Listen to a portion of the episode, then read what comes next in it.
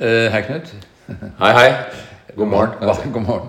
Vanligvis så sier vi velkommen til vår gjester, men nå er vi jo hjemme hos deg. Ja, ja, velkommen er dere. Så da er det litt annerledes. Det er jo veldig hyggelig å få lov til å komme og besøke deg her. Vi er her, Aksel og jeg, i forbindelse med starten på The Ocean List, naturligvis, og benytter anledningen da til å snakke med deg.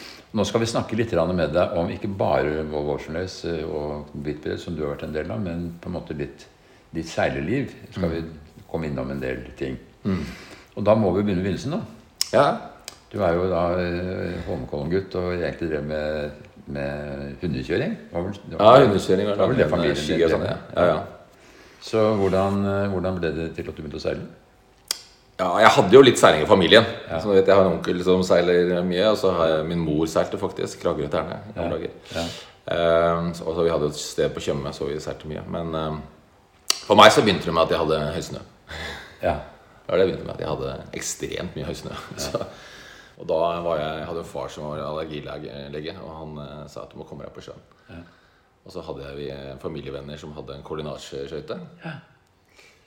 Så jeg var vel ti år, tror jeg, når jeg mønstra på der en sommer. Og de hadde et vindsurfebrett. Dette var vel i 78-79, rundt der. Um, det var det ikke mange som hadde det den gangen. Nei. Men eh, det brettet var jeg ute på hele dagen hver dag. Og fikk jo helt dilla. Så det var egentlig starten. Og, da, eh, og faren min han var mest opptatt av fiske. ja. Så han syntes denne seilingen var liksom ok, så lenge du kunne ikke få fisk, liksom. Men, eh, så jeg gjorde en deal med faren min om at hvis jeg greide å få fisk fra windsurferbrett, så skulle han betale halvparten. Så jeg gikk med avisen for å tjene penger til det. Og så lånte jeg et brett av en kar som hadde en gammel vinds, eller en windsurfer. Det hadde jo trebom den gangen ute i Bunnefjorden. Og så øvde jeg meg på å sette garn fra det brettet. Og så til slutt så fikk jeg Fikk jeg det til, og så fikk jeg da far min ut for å se på dette her. og så trakk jeg opp garn, fikk fisk til meg. Ja. Og da måtte den til pers, og så, så begynte det liksom å balle på seg. Så var det litt tilfeldigheter, men da var jo Jeg var jo veldig heldig, fordi eh, dette var jo liksom på begynnelsen av, eller slutten av 70-tallet, begynnelsen av 80-tallet. Hvor brettseiling bare tok av i Norge. Ja. Og det var jo et lokalmiljø i Bunnefjorden og Asker, eh, spesielt også KNS etter hvert, da, som eh, var jo kjempebra. Så det var jo så mye mennesker som drev med det, og det var så mange gode i Norge. Så jeg begynte jo samtidig med ja, Thomas Føyne og Thomas Martinsen og Håkon og Aksel og alle sammen. Det var jo, vi var liksom en gjeng som akkurat begynte da. Så hadde vi liksom en generasjon litt over oss. Med Anders Føyne og Jan Mangård og disse som var eh, kjempegode. Så jeg hadde så bra miljø hjemme. Det var jo begynnelsen. Og da, etter det så ja, Brettseiling var jo egentlig min sport. Da hadde jeg et problem med at jeg var litt for tung. Og det Eller jeg vil ikke si jeg var for tung, for jo, i dag skal det jo være tung. Men, men, eh, men den gangen så var jo Vi seilte jo bredt i alle vindforhold. Heldigvis. Eh, og så var det jo dette å satse til OL. da eh, Jeg prøvde litt på denne wingglideren til OL i 84. Men da var jeg nok for ung og for liten. For Da var det ikke lov med trapes den gangen, så det var ganske tungt å seile mye vind. Så du var ikke ferdig utvokst ennå? Da var jeg ikke ferdig oppvokst. Jeg tror jeg veide 52 kilo, husker jeg, når jeg seilte. Det- Men, eh, men så begynte jo dette med fortengerbrett da, og åpen klasse i OL etter. Og da, eh, da var det jo vektklasser. Vi seilte jo vektklasser. Ja. Jeg husker på, I windsurferklassen på det meste så var det fire-fem vektklasser. Men uh, I OL, var det jo ikke det? Nei, i OL så var det bare én. ikke sant? Og så da valgte jo for OL i Korea, da, som ble min første OL-satsing, så valgte jo eh, alle de fleste de fleste forbundene valgte å kjøre OL-uttak i lettvekt. Fordi man av en eller annen grunn trodde at det skulle være lite vind i Korea. Og det var veldig, Jeg har aldri skjønt i ettertid hvordan det skjedde. Men eh, for at prøve-OL så blåste det katter. Det blåste helt vanvittig. Jeg husker at Per Kjerul kjørte veldig på dette med at brettseileren måtte være tynnere og veie mindre. Ja, nei, det var en sånn der greie. Det var ikke bare Norge, det var flere land som gjorde dette. Eh, og, og vi var i Norge veldig gode i tungvekt. For at vi nordmenn er ganske store i forhold til disse latinske landene. Og Jan Wangård var jo tungvektseiler. Anders Føyen var jo tungvektseiler. Putti var jo tungvektseiler. Eh, vi hadde også noen gode lettvektere med Svein Rasmussen og flere andre. Men, og Thomas Føyne og, og alt sammen. Men så ble det da bestemt at vi skulle kjøre OL-tak i lettvekt. Og da kunne du ikke veie mer enn 75. Men matchvekten var kanskje 68. Altså tungvekt var fra 70 oppover, så mellom 70 og 75 kunne du velge. Så det ble et sånn vendepunkt for meg, for da måtte vi jo da slanke oss noe helt vanvittig. Ja, og jeg var jo den gangen kanskje naturlig 80 kilo i hvert fall. 85 80. Eh, og måtte gå ned til 68 kilo.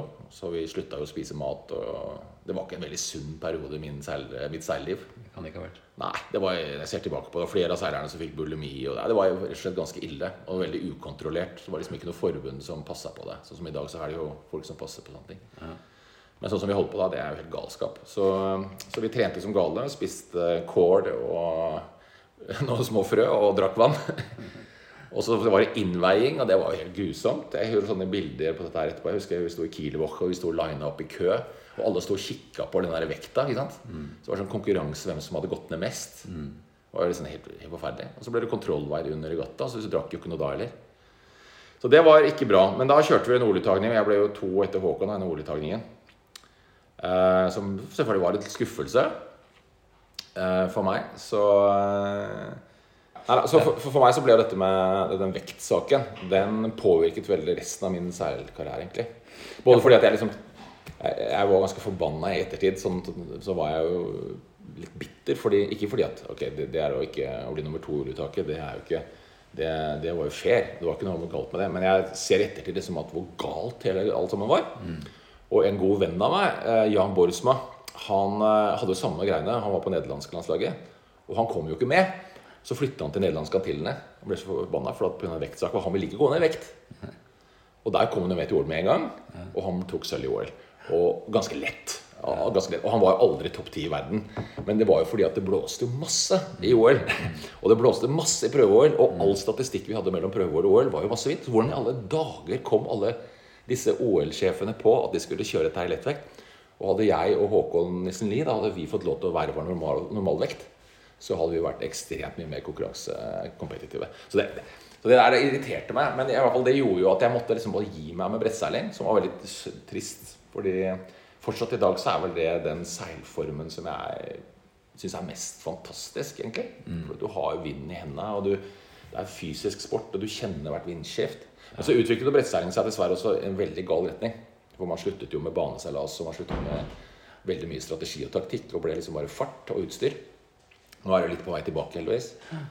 Men, eh, men jeg mener fortsatt at brettseiling er jo det er, det er en tingene jeg har hatt mest glede av. Men da begynte jeg jo med, med jolleseiling, for jeg fant ut at hva skal jeg gjøre? Jeg vil ikke veie 68 kilo. Uh, og, så ble jeg jo god kompis med Ole Petter i ja. OL-satsingen. Ja. ja. Først så hadde dere en 14-foter, ikke sant? Ja, vi begynte å seile International 14. Uh, og det var litt mitt initiativ, egentlig, for jeg syntes det så veldig moro ut. Det var sånn nærme brettseiling du kunne komme mm. med jolleseiling. Mm. Og det hadde vi det kjempegøy med. Det var jo Ja, vi reiste ut i USA og Hawaii og holdt på og vant penger. Og det, det var veldig moro. Ja. Så det var en sånn, eh, litt sånn brettseilerperiode, epoke, sånn som vi hadde på 80-tallet med windsurfing. Ja. Og så begynte vi å Ole Petter hadde egentlig ikke tenkt tror jeg, til å satse i OL sånn i utgangspunktet, på nytt igjen. Han hadde tatt seg en medalje og jeg fikk sølv i Korea. Sølv i Korea så han var jo der. Men, men, så begynte vi å snakke om kanskje vi skal satse på det. Liksom. Det hadde vært gøy gjort sammen. Mm. Men det rare er at uh, ja, det, jo, nei, det stemmer. Det var det vi gjorde. Og så begynte vi jo da å trene sammen og, og satse mer og mer seriøst. Og så, så skulle jeg opp i vekt, da. Så da skulle jeg helst veie nærme 100. Ja. så det, det, var liksom helt rake motsetningen. Men, men jeg hadde det utrolig gøy med det. Eh, og jeg og Ole Petter har blitt veldig gode venner og, og hadde veldig glede av det. Jeg var der Å lære å samarbeide med andre i båten. Men da gjorde dere det veldig bra før OL. Men ikke, ikke ja, OL var litt, ja, det var litt skuffelse. Mm. Uh, det var det, altså. Uh, vi, det, ja, vi, gjorde det kjempebra liksom, de månedene frem til OL. Mm. Uh, vi ble to i EM og vant franske mesterskapet rett før, som var liksom, mange av de beste var med. Mm. så vil jeg si at vi sleit med farta litt i OL. vi var liksom Det var veldig mye bølger i Barcelona.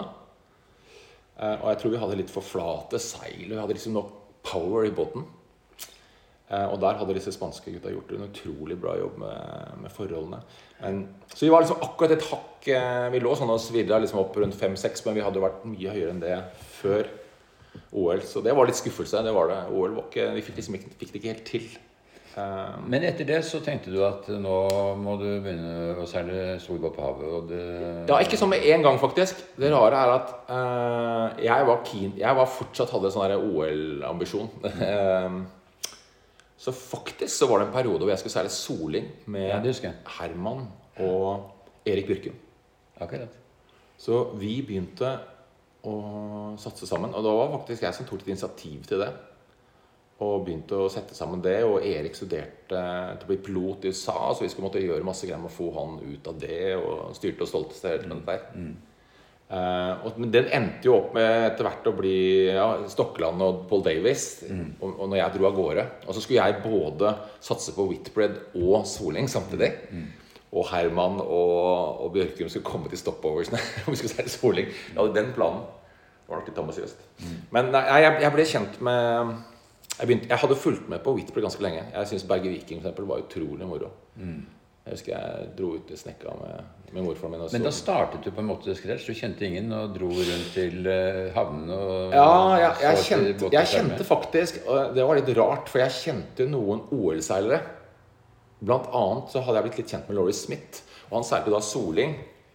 Og han hadde jo seilt da Rotmans eh, i OL 89-90. Eh, og da var det en del OL-seilere med. Eller hans, hans, liksom, hans gjeng, da. Så det var helt tilfeldig at jeg faktisk endte opp med å seile med han til slutt. Det var jo bare, det hadde ikke noe med hverandre å gjøre. Men, så jeg hadde liksom snakket med de i OL-sammenheng om hvordan dette her hadde vært. Og, og noen av de hadde jo seilt racet før der igjen også. Så, og så hadde jeg, jeg jeg og Ole Petter Vi hadde noen kompiser i Flying Dutchman som satset på dette. Og det var en som het Jeff Scott, som var vakkaptein på Yamaha. Eh, som jeg til slutt seilte mot. da Men han var en av de bedre Flying Dutchman-seilerne fra New Zealand. Så han hadde jeg pratet masse med om dette. Så jeg hadde folk jeg prata med om det. Men eh, Ikke så mye i Norge, da. Men, men, eh, men så kommer dette med Roger, da, som annonserte at han skulle satse. Eh, og så kontaktet jeg Roger og så sa jeg at jeg er keen på å være med. på Men du måtte begynne i bånn? Liksom, du måtte ta den dårligste jobben? Ja, nei, Det var interessant, for Roger han mente jo dette Jeg hadde jo aldri seilt på havet, liksom, så hvordan kunne han ta med seg meg? Ja.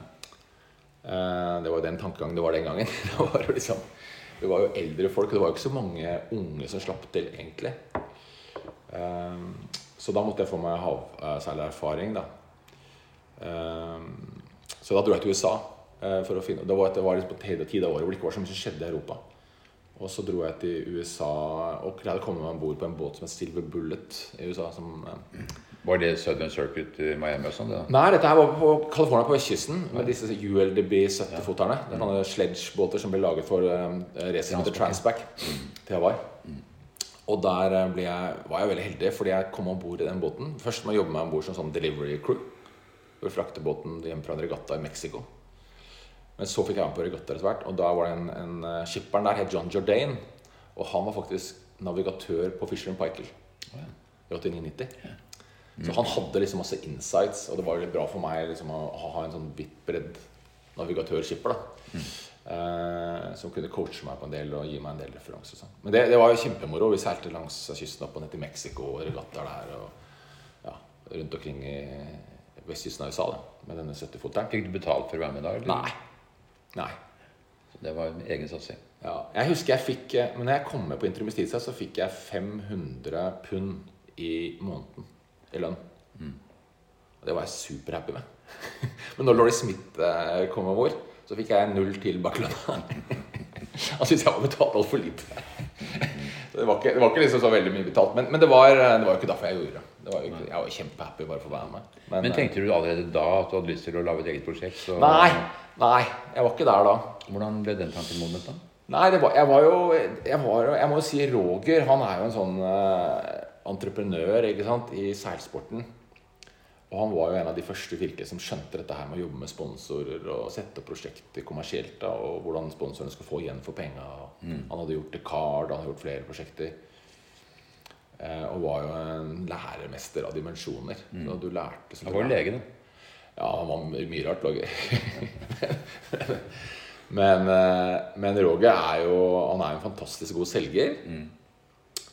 Og ut av det prosjektet til Roger så kom det jo masse prosjekter. altså Det Intrum Justitia-prosjektet det skapte jo ikke bare mitt prosjekt, men det skapte jo Swedish Match for Gura Kranz. Det skapte Dominic Waver fant jo sine første sponsorer til Mokka. Mm. det var masse team som kom ut. Johan og Richard kom ut og startet sine prosjekter. Jeg tror det kom liksom fem båter i neste race fra det prosjektet. Men du fikk vel disponere inntil du Ja, jeg fikk lov til det. Ja, jeg, i ja, jeg, jeg ble jo jeg, jeg, tok, jeg fikk ansvar for å være sånn delvis skipper på den båten etter racet. Når vi dro med sånn sponsortur rundt i Europa. Men da hadde jeg begynt å tenke på kanskje jeg skal prøve å få til dette i Norge. Og da tenkte jeg det ville være gull å liksom få, få den båten til Norge. Så det var jo eh, Ja. Så både en kombinasjon av å lære av Roger hvordan han gjorde dette, og et prosjekt som egentlig var jo Intrubistitia var veldig vellykket for sponsoren. Det var et veldig bra prosjekt. Selv om det ikke var så vellykket for Roger, for han fikk jo sparken. Men, men det var jo utrolig vellykket for sponsoren. De fikk jo veldig bra mediedekning, og de var veldig sånn fokusert. Vi har disse ti landene i Europa vi skal ha dekning. og der kjørte de stenhardt. Og det fikk de til. Så det var en veldig bra referanse.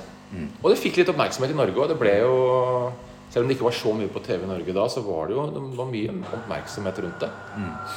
Så det gjorde jo at det var en fantastisk plattform å starte på. Hva var den første sponsoravtalen du gjorde med ditt prosjekt for å få det hele i gang? Ja, du, det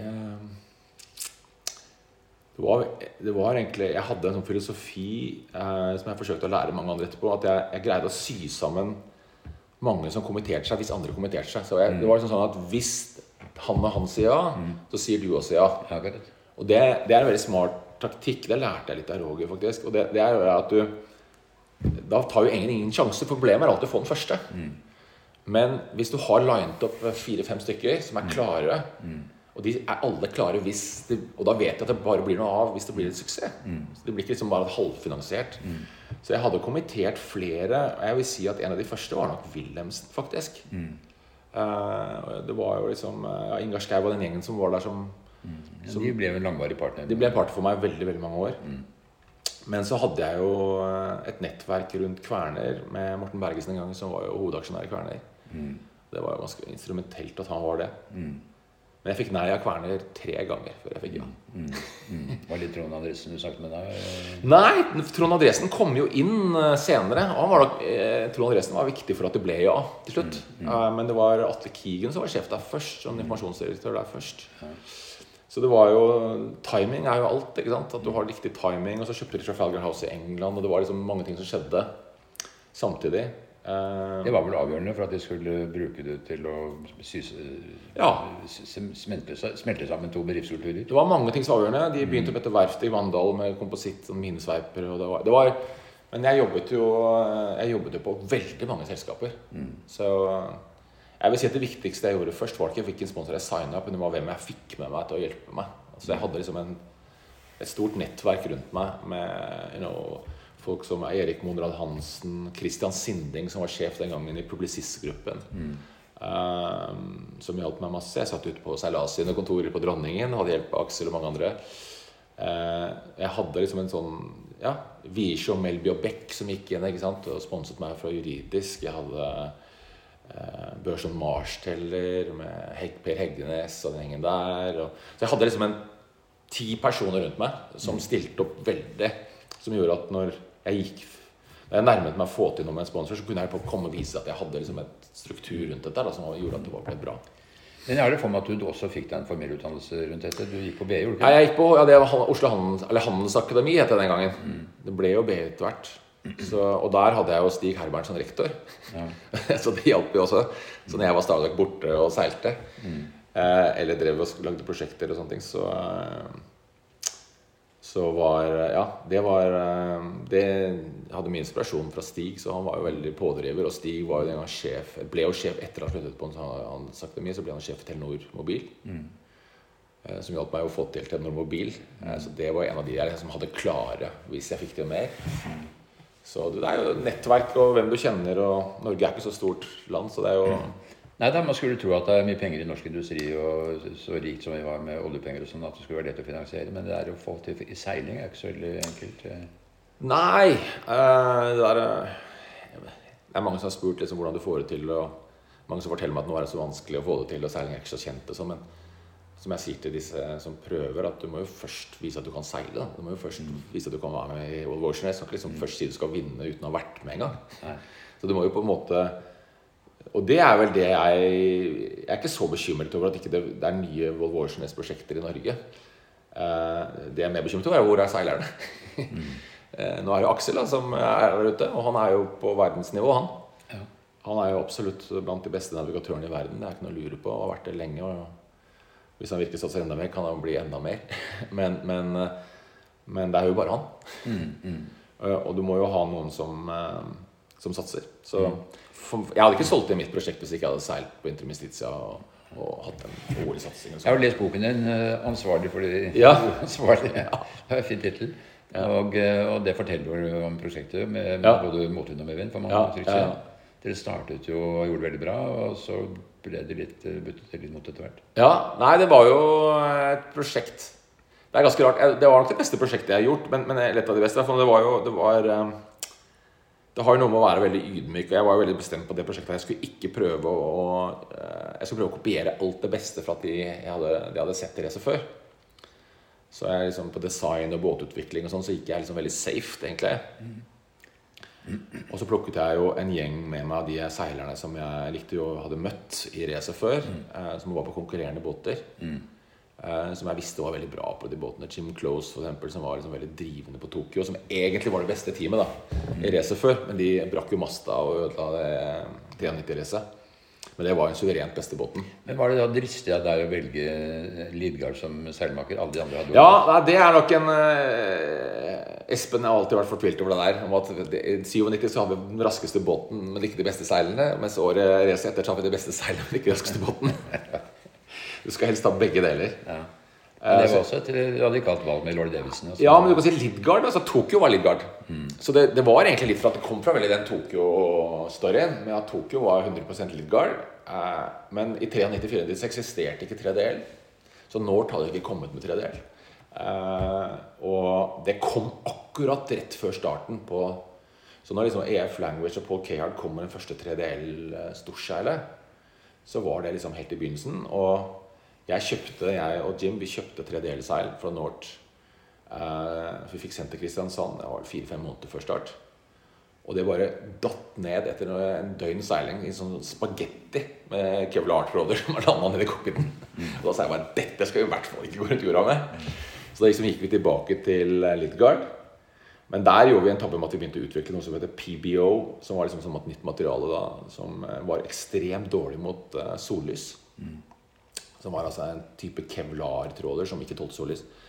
Så vi drev og seilene hadde sånn hvit, hvit film oppå seg. Men de blir jo så svake, de seilene, så de blir jo så dårlige etter noen legg. Så det var jo det var ikke bra. Altså Seilene våre var ikke bra kvalitet. Jeg tror ikke de var dårlig shape, de var, men de var dårlig kvalitet.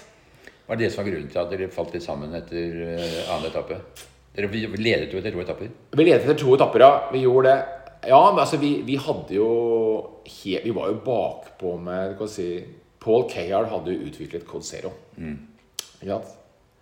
Og Code Zero var jo det, Jeg skjønner ikke hvordan dette gikk i dag. Det er ingen som skjønner. Jeg snakka med Laurie Smith om dette, og vi, vi sier at det var jo bare helt vanvittig det som skjedde, fordi det var forbudt. Eh, Hvorfor det var forbudt? For Code Zero var jo målt inn som en spinnaker. Det var jo en spinnaker. Det var en kjempesvær seil. ikke sant? Så Det var jo maksstørrelse på 6-8 kvadratmeter på en Geno. Dette her var jo 250 eller 280 kvadratmeter.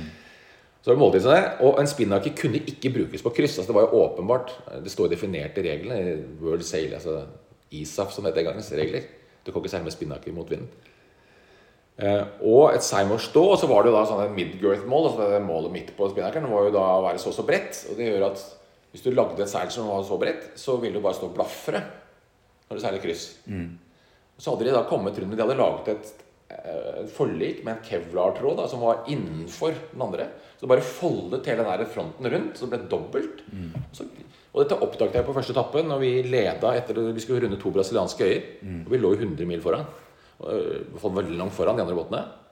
Og så kommer på Kayar, seilene bak oss, så kommer han liksom på kryss med det der svære seilet. Og går jo knop fortere.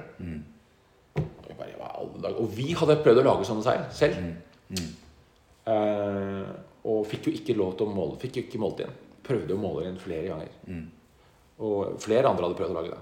Så kom han togende opp med dette her. Og det ble jo masse bråk. Og det hadde han da fått lov til. Og så etter hvert så måtte vi kopiere alle sammen og lage det samme. Men det tok oss Jeg vil si vi kom til forbi Auckland før vi hadde et som virkelig funka. Så han var langt foran. Og jeg vil si da hadde Grant Dalton med Merit Han hadde litt bedre access på de North-gutta i New Zealand, som var de beste seildesignerne, så han fikk det litt før. Så det hadde utrolig mye å si. Jeg tror Hadde vi hatt den Cod-serien, så tror jeg vi hadde vunnet første etappe. det tror jeg faktisk. Og så ble vi sånn, når, når de kava forba, så ble vi så frustrerte, husker jeg. Pluss at vi hadde greid å legge i land to bager med mat. Så vi var jo gått tomme for mat. Og Espen Guttormsen var sjef for maten. Espen er flink til utrolig mye rart. Men eh, man skal aldri gi matansvar til noen som ikke er spesielt opptatt av mat. Så vi, vi hadde Marcel ga oss en sånn forecast noen dager før start om at det skulle være utrolig lite vind den første uka. Da sa jeg at vi skulle bare få enda mer vekt ut av båten. Og da Espen han er, han er jo kjupekjapp, da, så han skulle bare spare mye mer vekt. Og da var det liksom toalettsaker og barberutstyr og sånn. Det skulle gå, liksom. Men jo, de bagene hadde jo samme farge. Så matbagene Det var jo feil bager som gikk på land. Altså er, vi gikk jo ned Jeg husker ikke hvor mange kilo jeg gikk ned. Men vi gikk ned mange kilo alle sammen på vei til Cape Town. Mm. Uh, det hjalp ikke. Det kombinert med den at vi satt og så han KR bare kosta forbi oss. Så mm. mista vi også da, uh, Dalton og mer cup, så vi kom på tredjeplass på første etappe. Mm. Men, uh, Men dere ble nummer to på etappe nummer to? Så... Ja, vi gjorde det, og vi seilte veldig. Da seilte vi jo tross at vi krasja jo med hval, og vi mista ratten og alt mulig rart. Da var det først å komme ut i vinden. Det var ja. det som gjaldt. Så det ble litt sånn frustrasjon. Mm. ikke sant? Det der at Vi kjente at vi hadde mer inne. Mm. Og så var det at vi, når vi dro fra, Først når vi dro fra Auckland, så begynte vi å nærme oss å ha en Cosero som vi var i nærheten mm. av det Kayard og Merit Cup hadde. Mm. Uh, og, da var det, og alle andre forsøkte å jobbe med dette her, selvfølgelig. Så det var litt sånn bakpå, men, men uh, ja, det var tøft. Det var litt tøft å være skipper òg. Jeg hadde jo folk, mange folk med om bord som var jo bedre enn meg. Eh, på en måte, Eller hadde sært mye mer Whitbread og erfaring. Mm. Men så kom Ed Baird om bord og løftet ja det, ja, det gjorde jeg. Og det var jo for å få litt mer backing på det taktiske. Eh, ikke bare det, men Ed jo, er jo veldig flink. Sånn, har jobbet med masse America's Cup-prosjekter. Og dette her med å systematisere utviklingen på farten. Mm. Så var han veldig en bra støtte egentlig der. Mm. Uh, være litt mer sånn pragmatisk i hvordan du utvikler båten underveis. Mm, mm, mm. Og det er ikke noe tvil om at når du er skipper og du driver dette her døgnet rundt, så er du ganske sliten når du er i havnene. Du er liksom ikke full av spruter av energi og kreativitet på hvordan du skal gjøre det videre. dra Det videre. Men så kom dere Molly Southampton til et sånt passe resultat. Eh, ja. Si, og du var jævlig sliten og liksom, så vel ikke for deg at du skulle gjøre dette en gang til? Nei, jeg var jo egentlig altså Egentlig så i ettertid så var jeg jo Klart vi kunne blitt tre også, men, men vi, vi, ble fire. Men vi slo jo Laurie Smith og vi slo mange andre seilere som jeg var gode, da. Mm. Så vi, jeg følte jo at Jeg følte jo at vi gjorde et rimelig ok eh, prosjekt. Mm. Uh, men jeg hadde jo lyst til å seile videre. Uh, men jeg var ikke supersugen da på å gjøre et nytt uh, World War Race, egentlig. Men så begynte jeg å seile med um, Corum, ja. team i Frankrike. Ja med Pierre Mas. Da, han var jo en av de seilerne mine på, på Kverner. Men det var sånn Admirals Cup-team eh, og sånn? Det, det, var vel ikke Ja, var, vi seilte jo Admirals Cup. Vi hadde jo et kjempeflåte av båter. Korum. Eh, etter hvert så begynte vi å seile mer med 36. Mm. Men vi hadde, de hadde andre båter òg. Og Korum hadde også tenkt å seile Seile Whitbread. Så, og så begynte jeg å seile med Thomas Coville en del på Sodebo. Mm. Og jeg og Thomas Vi hadde en ganske morsom historie der. For at når jeg og Thomas og Jacques Vincent Vi konkurrerte om samme plassen på Og Jason Carrington. Vi konkurrerte om samme plassen på Justice. Okay. Ja. Og så bodde vi opptil til sammen, og sånn Og så ble vi veldig gode venner. Mm. og så fikk jeg jobben, som egentlig var gull for alle sammen. Fordi at Jacques fikk da jobb hos Tokyo. Så Jacques seilte på Tokyo. Mm. Og Thomas Coville fikk sin første sponsor som var Sodebo. så han dro da til Frankrike. Mm. Men vi holdt oss sammen, så vi ble gode venner. Mm. Eh, og, eh, så da begynte vi å seile mer sammen senere. Men da var på en måte karrieren lagt som proffseiler? Det var det, ja. det var det, du, skulle være, og mm. slik du ønsket å legge opp livet ditt fremover? Ja, nei, jeg, jeg syns det var, jeg vet, et fantastisk tid, fantastisk miljø. Det var, mm. det var en tid i seiling også, hvor det var masse som skjedde. Var det lettere å finansiere prosjekt nummer to enn det var nummer én? Ja. Mm. Helt klart. Mm. Det var det. Um, for det første så var det jo en periode hvor altså verdensøkonomien boblet over. Mm. Mm. altså Det var jo denne internettboblen ikke sant? Uh, på begynnelsen av 2000-tallet. Uh, ehm, og så hadde vi jo på en måte noen selskaper som ønsker å være med oss en gang til. så, så Wilhelmsen for eksempel, var jo med oss videre. Telenor var jo med oss videre. Så det var jo det var jo tegn på at de hadde hatt, eh, fått noe ut av, bra ut av det forrige gang. Mm. Så, så, jeg hadde jo mye større nettverk mm. den gangen. Um, Men så kom jo 11.9. ut oppi der, og det Ja, det var jo ja, rett før start. Mm. Um, og det ødela veldig mye. Men da var jo på en måte ja, Vi kom, jo sent i gang med DJs. Så selv om vi fikk til et veldig bra prosjekt og hadde finansiert det veldig bra, uh, og hadde, så var vi jo litt sent ute. Altså Vi var sent ute i forhold til Ilbruk og de andre teamene. Uh, så vi var jo Og det var en av grunnene til at jeg endte opp med Laurie Davison, var jo, var jo fordi at far den gangen hadde jo nesten monopol ikke sant, på mm. disse greiene. Og far uh, sa til meg at uh, ja, hvis du skal komme nå liksom, mm. og få båter, da får du ikke custom beste design. Nei. Du kan kjøpe standardbåten vår. Mm. Og det var sånn her ja, Standardbåten skal liksom uh, John Costecchi få custom superbåt, og så skal jeg få en sånn B nybegynnerbåt. Det var jeg veldig lite interessert i. Mm. Og så var det dette med T-kjøl og elkjøl som var liksom en stor debatt. da og, mm. og, og, far lagde jo faktisk noen elkjølbåter og noen T-kjølbåter i det racet. Mm. Det var ikke alle som fikk T-kjølbåt heller. Nei. Så Swedish Match var vel elkjøl, mm. uh, så jeg husker. Og F. Language var T-kjøl. Det var liksom det var, det var en sånn her, Du følte liksom at her, dette her var ganske dårlig. I ettertid så var jo selvfølgelig var det ikke riktig. Men, men, uh, og så hadde Team New Zealand da hadde tenkt å være med i racet. Så Team New Zealand hadde jo da Laurie Davidson som sin designer i America's Cup. Eh, og de hadde planlagt å være med i eh, det som skulle være det første Volvo Ocean Race da, i 2001-2002. Mm. Mm. Og så hadde de lagt de planene på is akkurat når jeg kom, kom, i gang. Og jeg kjente de veldig godt, mange der sånn, veldig godt. Og så, og så snakket jeg med de, og så sa de faen, du har fått det prosjektet ditt. Er du eh, er du interessert i å overta vårt prosjekt? Ja. Det hørtes da veldig fristende ut. Jeg vet, De har jo, kan jo greiene sine. Mm. Så jeg dro til New Zealand og møtte de, og de hadde bygd modeller, tanktestingmodeller og, og sånne ting. Eh, og så overtok vi det prosjektet. Og ja, følte vel egentlig at det var mindre risiko da enn eh, det kanskje ettertid var. Men, men, eh, men det, det, ble jo en båt som eh, ikke funka, rett og slett. Tror jeg fortsatt en dag i dag hovedsaken grunn til det var kjølen og kjøledesignet. Mm. Så det var liksom ikke et Båtens skroget var utvilsomt ikke dårlig. Det var jo, vi greide jo å vinne etapper, og vi ble jo to på Dere vant jo siste etappe, blant annet. Ja, jeg husker jo liksom men, men, Og da var det jo lite vind. Men da gikk jeg liksom helt banana. Så satt jo halve mannskapet på land og gjorde liksom helt crazy ting bare for at vi skulle gå fort. Mm. Men, men, vi ble jo to inn til Brasil. Ikke sant? Dette høres Søreshavet. Jeg husker på vei inn til Sydney, hvor vi bare seilte fra Grant Dalton og de andre gutta. Mm. På fart. Så den gikk jo veldig fort på unnavind. Mm. Veldig fort i litt vind, men utrolig dårlig på slør. Og det er jo veldig mye slør rundt jorda. Ja, ja. og det som skjedde der, det var at uh, den kjølprofilen vi hadde, var ganske mye større enn det far hadde. Mm. Uh, og det hadde med at når båten krenger 90 grader, så skulle, skulle de måle hvor mye hele denne bulben flekset.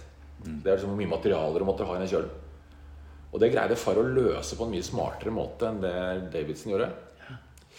Så eh, det var, ja, det var en kjempetabbe, for vi gikk jo veldig mye dårligere på slør. Og det er utrolig mye slør rundt jorda. Ja. Så det for Telenor så ble det jo heller ikke optimalt, men det var ikke din skyld. Det var jo Nei, nei det var jo på, topp, ja, på toppen av det hele så ble jo hele liksom, produkt, Produktet ble jo skrinlagt på vei rundt jorda. Ja. Uh, og det var jo også ganske interessant. Vi var jo litt forut for sin tid, dette med mobilt internett, som det heter. Det er jo det alt vi har bruker i dag. Mm. men, men, det var litt forut for sin tid. Så uh, Jeg husker det var en av sjefene til Tormod Hermansen som sa jo liksom den gangen at det var jo dårlig timing. Men det var, eh, de lærte også mye av det. Altså, det var jo til til Telia lanserte noe som het Speedy Tomato, som var jo ja. konkurrenten samtidig. Mm. Eh, og brukte mye mer penger før mm. de fant ut at det ikke funka. Men fordi Telenor fikk jo da rettighetene til å drive det mobile internettproduktet til Whitbread, eller til Wall Warsness, mm. Så måtte lansere dette, så fant de ut at telefonene var jo ikke klare, nettverket var jo ikke klart. Ikke så de måtte bare stoppe eh, alt sammen. Jeg tror det var Nokia hadde én telefon tror jeg, som funka med dette her. Så. Men så kom jo Didrus etter hvert. Ja, nei, så Didrus-navnet Det var det var vel Stig Herbern tror jeg, som gjorde det. At, han ble, tror jeg ble sjef etter hvert i Sverige. hvis ikke husker feil men, men, men, så var det sånn markedsundersøkelse. Telenor hadde så masse forskjellige merkevarenavn som de hadde lansert. Mm, mm. Og så fant de ut at Didrus var et av de som hadde størst merkevarekjennskap. Mm. Så det ble jo beholdt som et abonnement eh, for ungdom. Men, uh, Men, så ja. etter da Volvo var det første Volvo Ocean Races, ja. så slang du deg på det som het Nokia Ops Cup. Ja. Og fikk deg en 60-fots uh, Trimaran, ja. ja. Det var jo også ganske spektakulært. Det var, båten, Ja, det var kjempegøy. båtene var ikke så dyre, og det var liksom en litt sånn lavbudsjettsatsing. Ja, det var veldig bra. Okay, Jeg var ute og spiste middag med Aksel Magdal her om dagen, og han sa det er den morsomste seilingen han har gjort. Ja. og det var jo, det var jo eh, Det er mange som kommer derfra. Ja, da, og- ja vi var jo, det var jo, ambisjonen min der var jo egentlig å forsøke å hjelpe til litt hjemme. Og, og, og dra opp, lage et springbrett for uh, unge seilere i Norge. Det var jo utgangspunktet. Men da, jeg, da seilte jeg også fortsatt med Thomas Coville i Frankrike. Så jeg hadde liksom en fot i Frankrike på det Orma 60-sirkuset i Frankrike. Med Sodobo, som jeg seilte som regattaene med han da når han ikke seilte alene. Og så, og så hadde Johan og Richard da, Johan Salén og Richard Plisio startet et Nokiabs Cup i, i Skandinavia. Så da eh, kastet vi oss på det med noen av sponsorene som vi hadde med oss fra Volvo Årsnes. Ja, særlig Wilhelmsen som brukte Ja, Wilhelmsen var jo liksom hovedsponsor, men Helly Hansen var med. Og så var det flere som ble med, nye selskaper som ble med. Lydenbø og Ja, vi var flere. Så det, det var et kjempemorsomt prosjekt. Hvor jeg hadde vel en, Jeg vet ikke hvor mange seilere jeg hadde med, men en 30 seilere tror jeg var med på det til slutt. I løpet av de tre årene vi holdt på. Det var også en sportslig suksess for deg, for Ja du vant jo mye der. Vi vant mye der, og øhm, jeg hadde nok ganske stor fordel med at jeg hadde den foten i Frankrike. Så jeg liksom hadde en veldig bra referanse på hvordan ting skulle gjøres. Men det er jo en kjempemorsom båt. Det var jo en fantastisk eh, seiling. Men så etter hvert så ble det en kursendring. Så kom du inn da i Volvo Ocean Ja. het, eh, på management-siden der. Ja. Eh, Det var noe helt annet, for da skulle du drive en svær eh, Mm. regatta. Mm. Og da skulle man velge båttype. Man skulle liksom styre hele racet, hvordan det skulle være, Ja. hvor havnet skulle være osv. Mm. Hvordan, hvordan syns du det var? Nei, det var jo For meg så var jo det en veldig bra mulighet. Til, jeg var ikke sånn helt sikker på at jeg skulle gjøre den, faktisk. Jeg, jeg, ble, jeg ble oppringt. Jeg seilte med Morten Bergesen og Narida. Seilte vi en der Rolex Transatlantic Cup med, med Narida. Det var siste regatta Narida seilte. jeg. Da seilte vi over, til, eh, over Atlanteren. Så fikk jeg telefon om bord. Hadde greid å spore meg opp. eh, fra Volvo om jeg ville ta den jobben. Det var vel Glenbrook som var din forgjenger der? Ja, Da. han var min der, ja. Og så Og det var jo For jeg visste jo også at hvis jeg tar den jobben, så blir det ikke mer seiling på meg. Så det var, jeg hadde, jeg fortsatt hadde jeg litt lyst til å seile videre. Ja, du var vel med en gang med Torben Grell? Jeg var med med Torben Grell, men da, jeg hadde ikke lyst til å seile Volvo Oceaners videre. Eh, Det var jeg liksom litt ferdig med. Eh, Og det var litt fordi at når jeg var med med Torben, så skulle jeg egentlig ikke seile. Eh, Jeg, jeg hjalp Allan Adler, som er en veldig god venn av meg, fra Flying Dutchman, som var sjef for det prosjektet. Og jeg hjalp han å sette prosjektet opp, og, og var faktisk med å selge en sponsor i Brasil. Men så spurte Torben om jeg ville seile, og så sa jeg vil jeg ikke være med hele veien rundt jorden. Og så ble det at jeg skulle være med på bare Sørøyshav-etappene.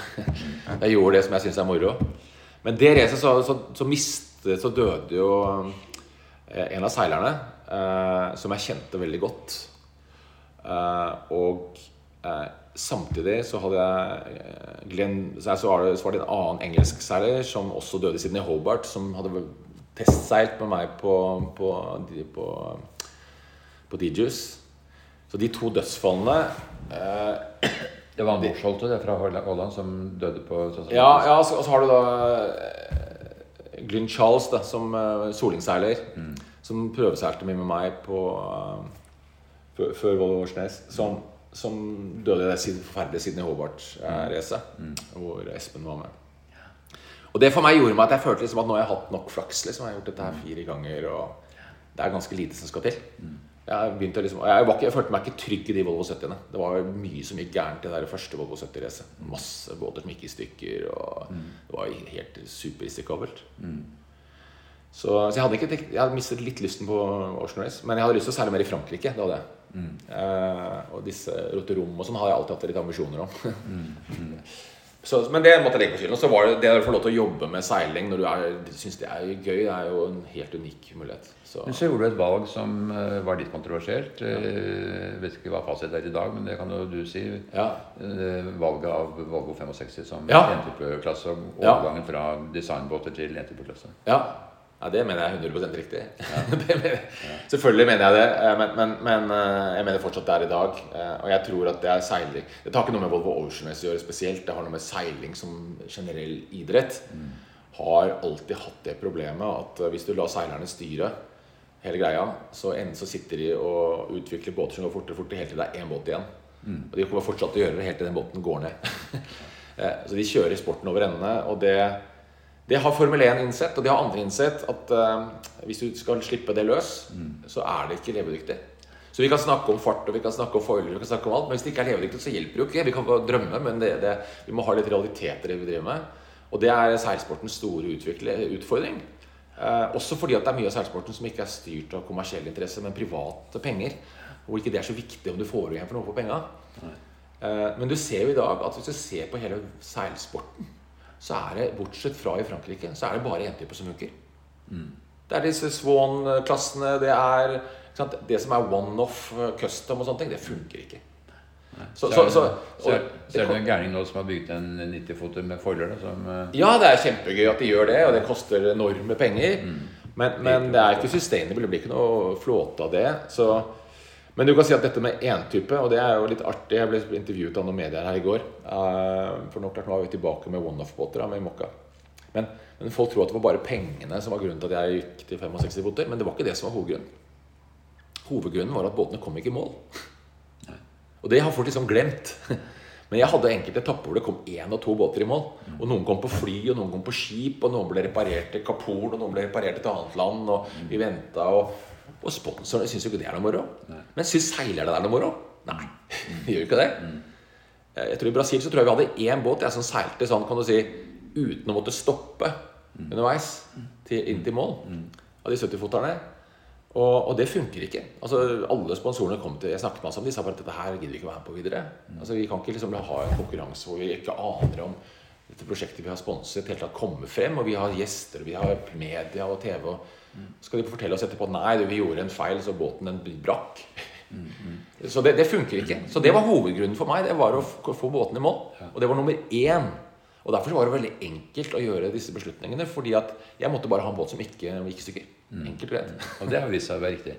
100 Slik at nå har du jo seks båter her. De er ti år gamle, og de er jo helt state of the art. 100 og det, og det, glemmer folk at det når vi seilte Whitbread 60 De båtene var utrolig solide, hadde en veldig bra regel. Mm. Og de båtene er ute og seiler en dag i dag. Mm. Eh, og de gikk ikke i stykker. Nei. Så du tror det er en fremtid for Volvo 65? De burde kunne fortsette på en Ja, du kan si at det, det er jo alltid, nå er det utfordring at folk ser disse, dette foilende konseptet, eh, som går selvfølgelig utrolig mye fortere. Og fordi, ja, under visse forhold, ja.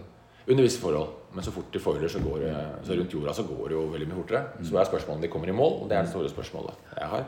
Men, men uh, hvis du greier å få til en kombinasjon, at du greier å sørge for at de holder, mm. så har jeg tro på det. Men hvis de ikke holder, så, så, kan vi snakke om alt vi vil. Men det hjelper ikke noe. Nei, det blir jo veldig spennende, den. Ja, det er, jeg, jeg tror av seilerne Jeg har snakket med mange av seilerne. Jeg kjenner jo veldig godt Mark og Charlie, som driver Eleventh Hour. Og var jo liksom mm. Jeg var med, og jeg ga, de, jeg ga de faktisk deres første sponsor, Alve Medica. Jeg husker det. Eh, og, og tok, møtte disse to unge gutta som hadde vært med på denne Disney-filmen og, mm. og lagd dette, og solgt med Transpac i USA. Og sånn, og de, de, er spente på om de kommer i mål. Og de er det mest forberedte teamet. Mm. Mm. Det, det sier mye. Ja, så hvis det kommer tre båter i mål, så er det jo ikke noen suksess. Nei. Nei, jeg mener det. Eh, og jeg, og jeg tror at eh, Jeg tror vi hadde Jeg, jeg syns det racet som jeg Da satt jeg styret i Ocean Race, da. Når jeg, da jeg sagt fra meg jobben. 17-18-racet som Mark Turner for så vidt startet. Eh, og Johan og Richard overtok.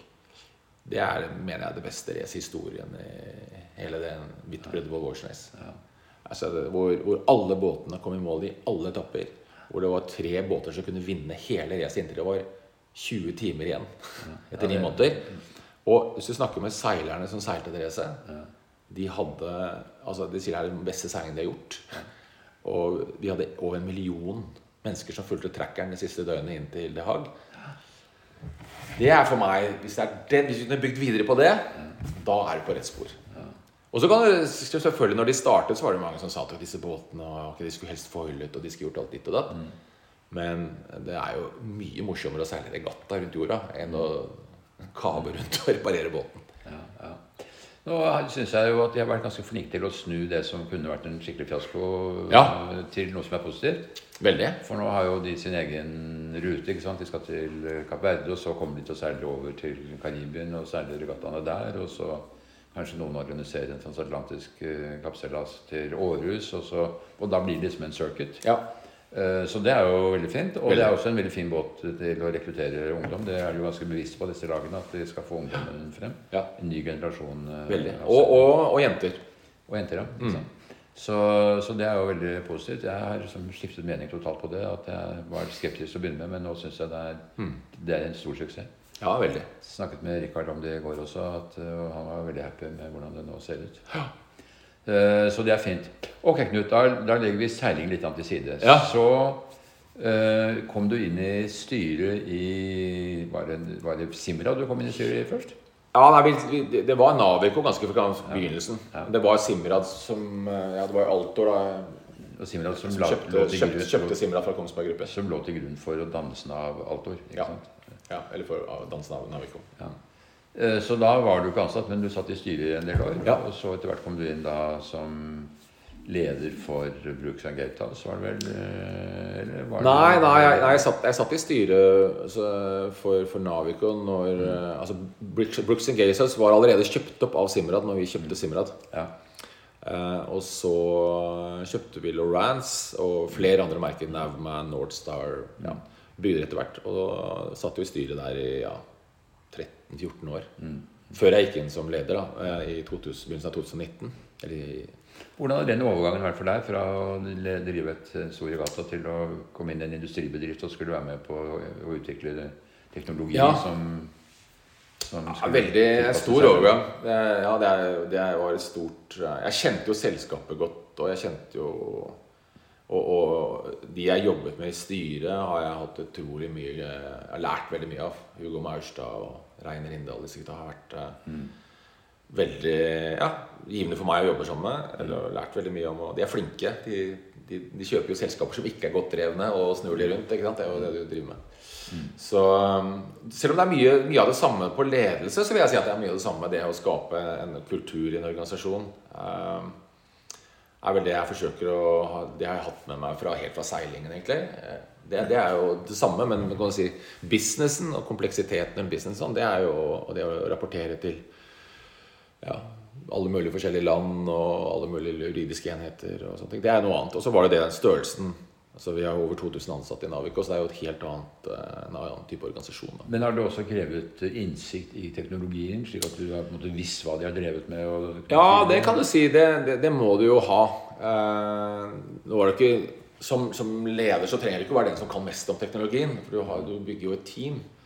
Eh, men du må vel kunne mye om kunden og hva kunden bruker produktene dine til. Og det er klart at eh, seiling dessverre er jo da en veldig liten del av Navico. Så jeg vil si den største liksom, kundegruppen er da hobbyfiskere, sportsfiskere. Det er Sportsfisking er absolutt suverent største delen av det markedet. Eh, godt over 60% jeg vil si. 50-60 Men det er sånn Marine og den type Ja, konkurrentene der er Garmin og, og, og Hummingbird. er liksom de store Ja, konkurrentene på, på, på fiske. Og USA er jo 6, 5, over 50% av markedet. Mm.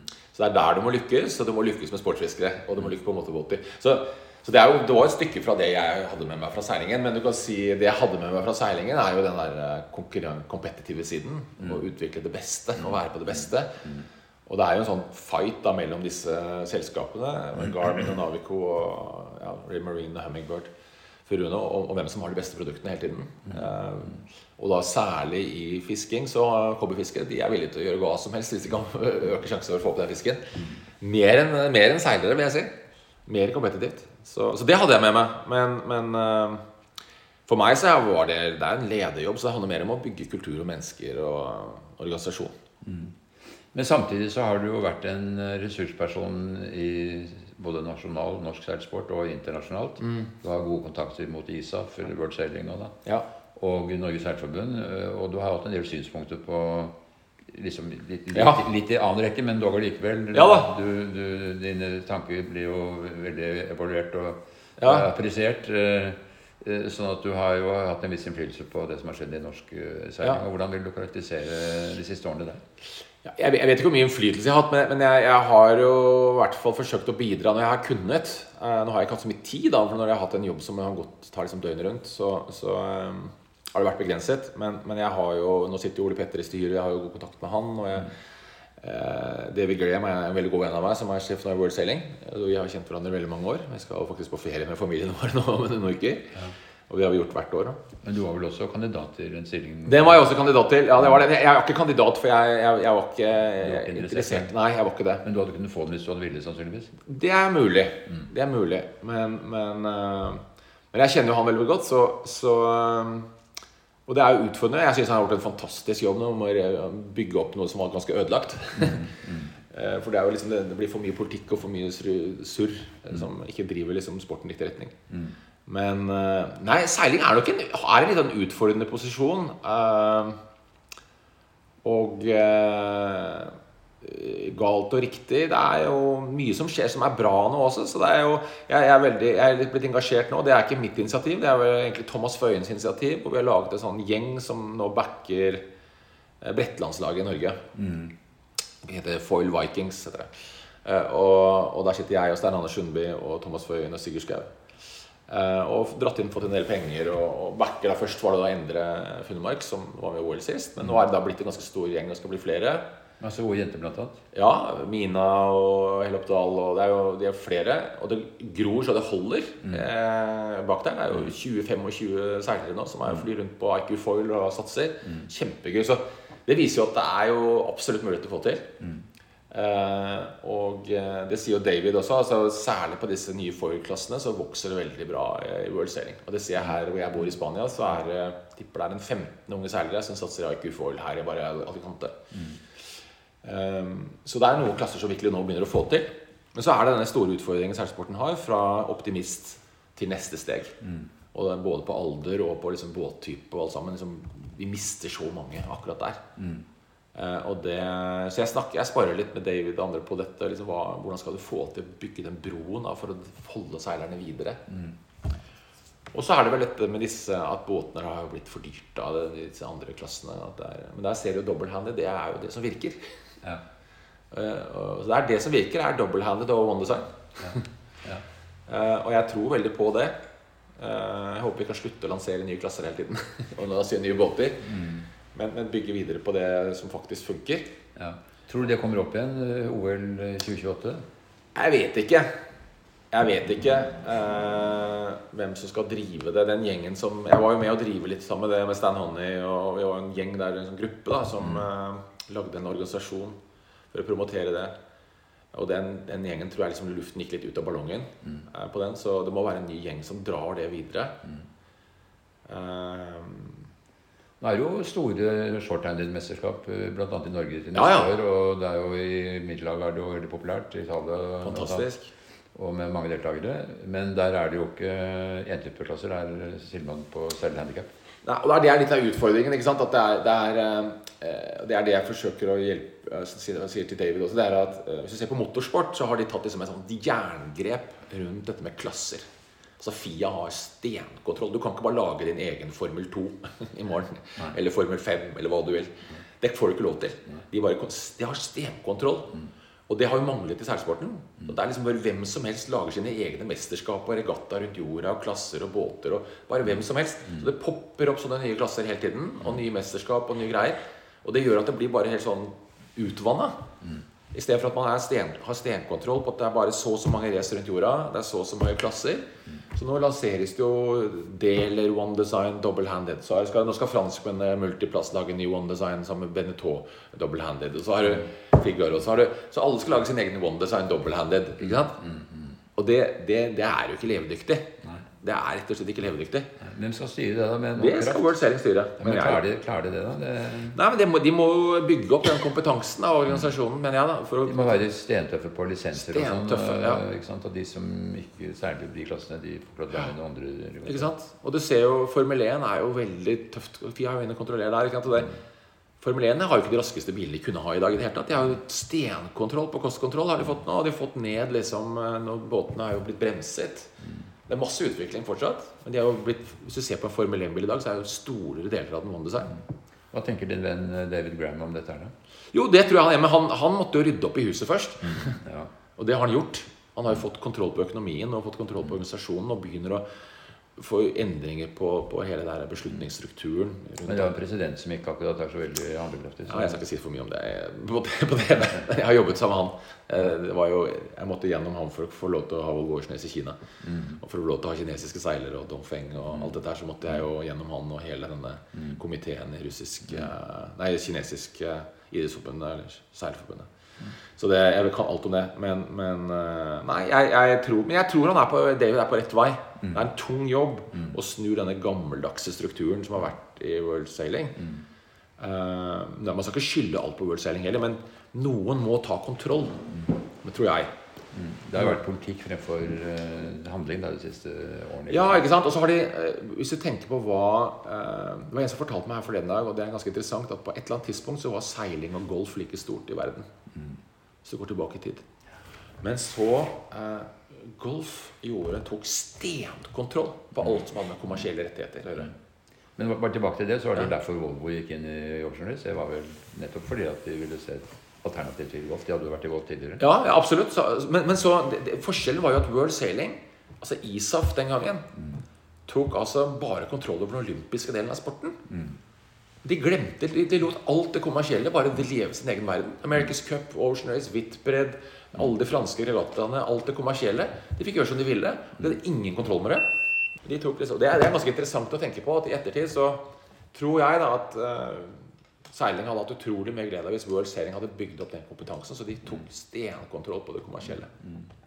Men det er jo en sterk generalsekretær som kanskje kan høre. Men nå, hører, nå er det ikke sånn som skjer. Altså. Ja, David kan jo, han kan den biten. Mm. Altså I motsetning til de som har vært før han, så kan han den kommersielle delen av seilingen. Mm. Han vet alt hvordan det funker. Mm. Eh, og eh, han er jo eh, Ikke sant. Jeg og David og Mark Turner vi skal på ferie sammen. Nå, det har vi gjort de siste tre, tre årene. Ja. Med barna og de er venner og sånn. Men Mark han er bare på sykling og svømming? Han. Nei, ja, han er fortsatt inne i seiling. Altså, han jobber jo med Francois Gabar. Og han er inne så han er inne som en sånn rådgiver. Mm. Jeg blir ikke overrasket hvis han kommer tilbake. Men helt ut av Aussie Sport? Og... Ja, det solgte han jo. Han solgte det til Telegram Group. Mm. Men han er jo en av de som kan eh, den kommersielle delen av seilinger bedre enn de fleste. Mm. Så jeg vil si at David, han lener ja.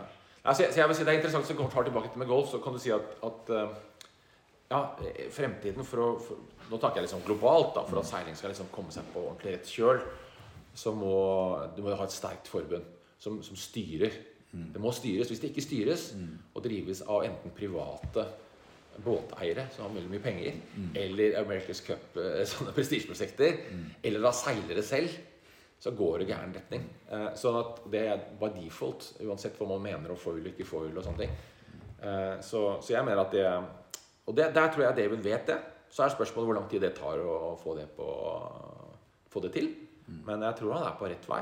Så, ja. Og få et styre som går inn for det. Problemet med World Sailing er jo at du har alle ja. disse council-medlemmene som ikke har peiling, men som har full stemmerett. Ja, ja, absolutt. Og, og, jeg tror at uh, Men du kan si seiling Jeg tror fortsatt at seiling har uh, liv, mer enn livets rett. Uh, og jeg, jeg, var akkurat min, En av de siste jobbene jeg gjorde for Navico, var at jeg hadde et innlegg på denne Yacht Racing Forum i Malta.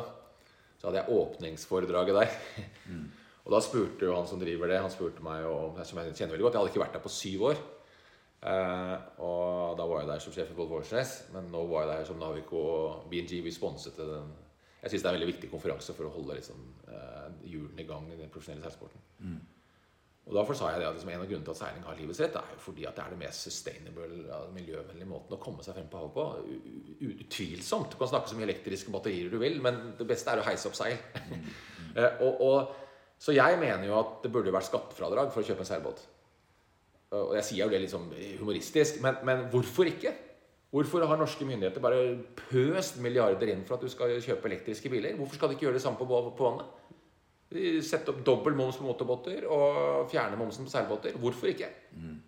Og, og, og, du kan si at okay, seilbåter de motrer rundt, men det er superlett Altså Navico kunne fikset på en uke å lage teknologi som, som tracker at du faktisk seiler og ikke bruker motor. Det er ikke problemet i det hele tatt.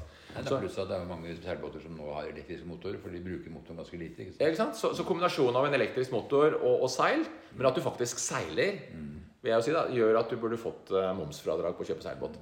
Mener jeg. Helt seriøst. Og det, og det Og jeg utfordret liksom bransjen på det. Jeg, utfordret, jeg snakker med Benetton, det Bavaria jeg snakket med flere Så sjefene, de har lest smilt litt med meg. Så har de sagt at du har faktisk rett. Vi burde faktisk prøve å gjøre noe. Det er jo ingen som jobber for det. Du må jo lobbe for dette. Hele denne elektrisitetsgreiene. Disse i Norge har jo lobbet som gale for å få dette til. Eh, men hvorfor er det ingen som lobber for at eh, seilbåter skulle ha en klar fordel? Det er mye bedre hvis hele båtfolket bytter til seiling. For miljøet. Og, og, og, båtbransjen kommer til å komme i en sånn ordentlig krise når det blir forbudt å selge fossilbrennstoffmotorer. Og det er ikke lenge til. Det er de ikke klare for. De er ikke forberedt. Er ingen som har ressurser til å gjøre den forandringen. Veldig få båtmerker har det. Det kommer til å komme på en kjempesmell, og det kommer til å bli forbudt. Det er ikke noe å lure på. Altså, tyske myndigheter har snakket med folk innenfor EU. Det er bare et tidsspørsmål. For de vet jo det. Du kan ikke forby fossilt brennstoff på land, og så skal du tillate det på vannet. Det er klart det går ikke, det.